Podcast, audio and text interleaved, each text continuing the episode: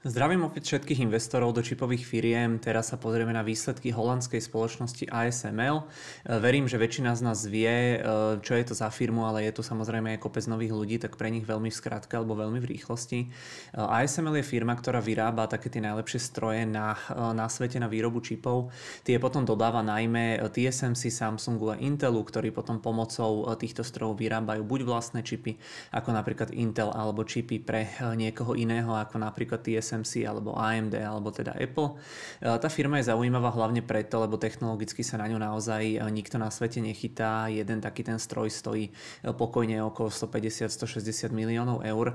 Ja si inak ešte nepamätám, že by niekedy ASML reportovala zlé výsledky a nebolo to inak ani tentokrát. Takže ako obvykle mám tu v podstate aj disclaimer, ktorý hovorí, že samozrejme investovanie je stále rizikové a pokiaľ sa vám páči naša tvorba, budeme radi teda aj za odber. Je to potom inak asi jediná európska firma, takže samozrejme všetky tie údaje, čo poviem alebo čo budem uvádzať sú v eurách, ale viem, že v minulosti som sa už párkrát zmýlil, keď som teda hovoril o tých hodnotách, tak pokiaľ by ste niekde počuli americké doláre, tak som sa len pomýlil, a, ale síce pri tom súčasnom kurze, e, ktorý je v podstate jednak jednej, tak asi, asi by to aj tak nebol až taký veľký problém, problém ale každopádne e, všetky tie veci, čo budem hovoriť, majú byť teda v eurách. No a začnem rovno tými číselnými výsledkami. E, zisk na akciu 4,29 eur eur, čakalo sa 3,48 e, eur, to znamená prekonanie odhadov o 23%. Tržby firmy 5,8 miliardy, čakalo sa 5,3 miliardy, takže prekonanie o 8,6%, takže veľmi pekné čísla.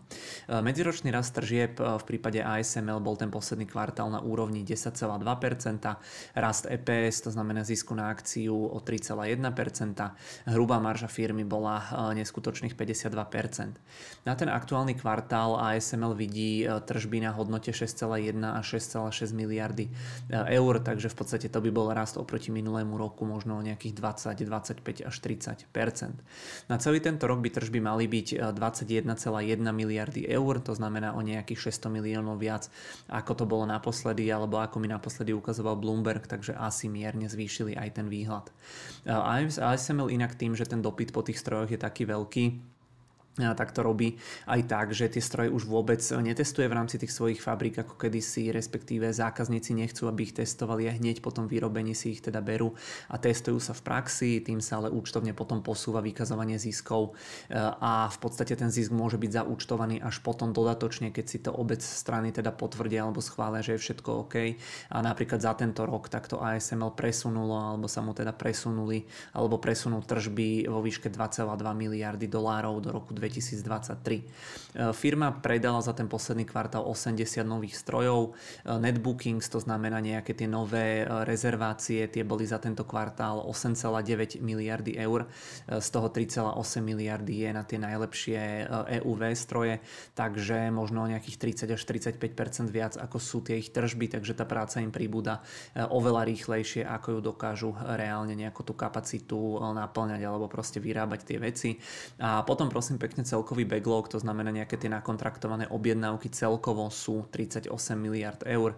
E, tie ročné tržby firmy sú možno nejakých 19 miliard eur, takže majú e, aj teraz, keby sa im zastavili všetky objednávky, tak majú v podstate prácu minimálne na tie 2 roky vopred.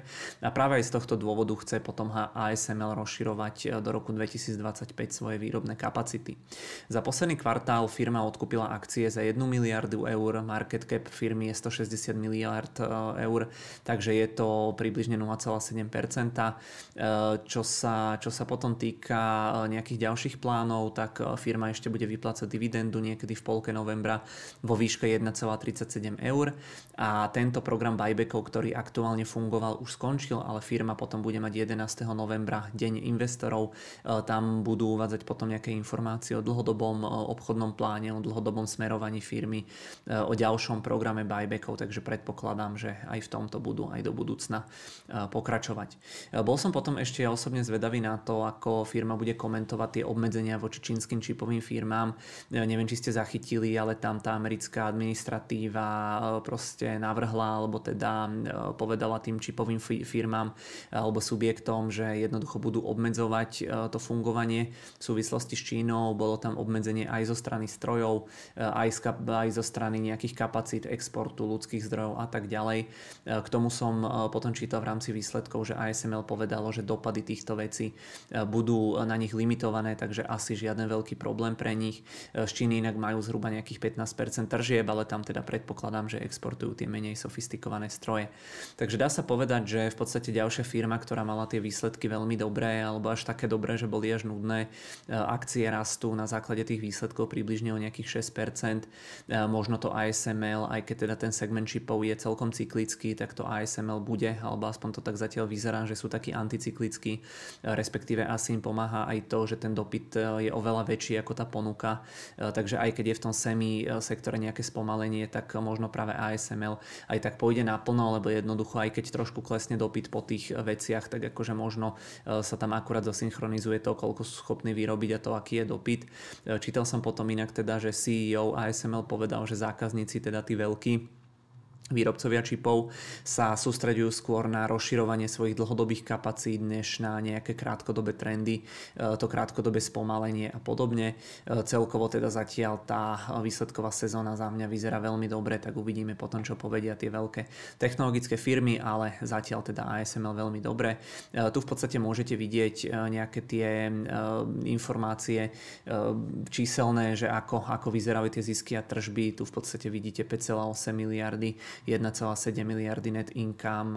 Tu v podstate vidíte, že má e, firma 3,5 miliardy dlhu, ale aj 3,5 miliardy cashu, takže nezadlžená, pekne generuje ten cash flow, aj keď nie je úplne najlacnejšia. E, tu sú tie ročné čísla, za tento rok sa očakávajú 20 miliardové tržby a 5 miliardový zisk, budúci rok 25 miliardové tržby a 7,5 miliardový zisk.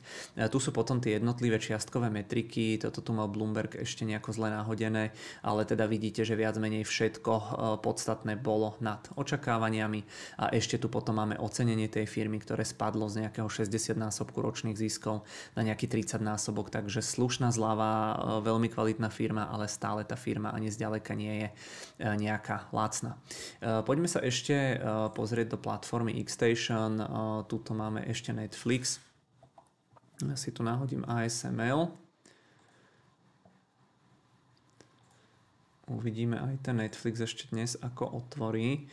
No a tu v podstate vidíme to ASML, ten dnešný pohyb. Oni otvorili eh, od toho včerajšieho low o tých 6% vyššie, ale stále sme teda hlboko eh, pod tými historickými maximami, možno aj o nejakú polovičku a teda eh, tiež sme veľmi hlboko pod tým mojim nákupom, čo som tu mal na tomto účte, ale stále teda si myslím, že veľmi, veľmi kvalitná spoločnosť teraz v celkom peknej zlave, takže pokiaľ človek verí tomu sektoru alebo segmentu celkovo, tak asi, asi to nie je až, eh, až taká zlá ponuka, ale samozrejme eh, je to, je to teda cyklický segment a tie ceny môžu klesať ešte výrazne smerom nadol.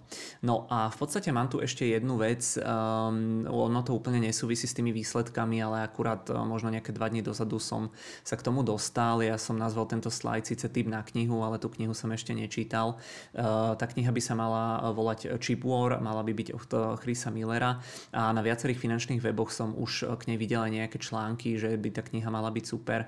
Mala by popisovať históriu čipov, kedy, ako a prečo vznikli, prečo je skoro nemožné technologicky dobehnúť e, proste ten výskum a vývoj alebo ho nejako jednoducho skopírovať, e, čo proste za tým je, hej, prečo to je také zložité, prečo teda aj vďaka tým čipom napríklad Amerika dominovala nad sovietmi počas studenej vojny.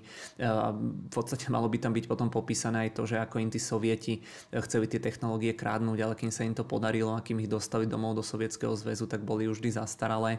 K tomuto neviem, či to bolo v súvislosti, že to bude popisované aj v tejto knihe, ale niekde na Wall Street Journal som, som čítal e, v nejakom e, článku e, takú dosť dobrú story, že tá Amerika hlavne teda v tých počiatkoch veľmi výrazne dominovala jednak pri tých návrhoch čipov ako teraz, ale v podstate vtedy aj pri tej výrobe. A potom síce prišiel Tajvan a tá výroba sa teda presunula primárne tam, ale stále teda Dovtedy tá Amerika dominovala a to sa samozrejme počas vojny úplne nepačilo tomu sovietskému zväzu, takže vraj posielali podľa toho, čo som čítal rôznych špi- špiónov, aby nejaké čipy z tých tovární ukradli, hej, aby nejaké návrhy ukradli know-how a podobne. A potom ich pašovali domov, tam ich potom chceli skopírovať, ale technologicky to úplne nezvládali, pretože aj to kopírovanie v tejto oblasti bolo veľmi náročné. Aj keď sa im to podarilo skopírovať, tak už zase tie čipy boli zastaralé.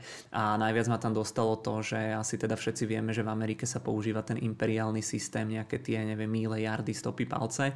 V Rusku metrický systém tak ako u nás, ale teda napriek tomu, že v Rusku sa používa aj ako keby ten náš metrický systém, tak počas toho kopírovania si že vraj tí ruskí vedci ako keby vytvorili aj nejaké tie, aby to pre nich bolo jednoduchšie to kopírovanie, tak si potom tie fabriky na tú výrobu čipov vytvárali tiež pomôcky a nástroje v imperiálnych jednotkách, aby sa náhodou niekde nepomýlili. A proste aj takéto nejaké veci by mali byť popísané v tej knihe. E, ja som z toho videl len také nejaké výňatky, ale vyzerá to akože celkom zaujímavo, takže e, ja sa na tú knihu určite, určite chystám, bude pravdepodobne len v angličtine, takže asi, asi to bude trošku také ťažšie, e, odbornejšie čítanie, ale každopádne určite dám potom recenziu, keď sa k tomu dostanem. To by bolo na dnes z výsledkov všetko.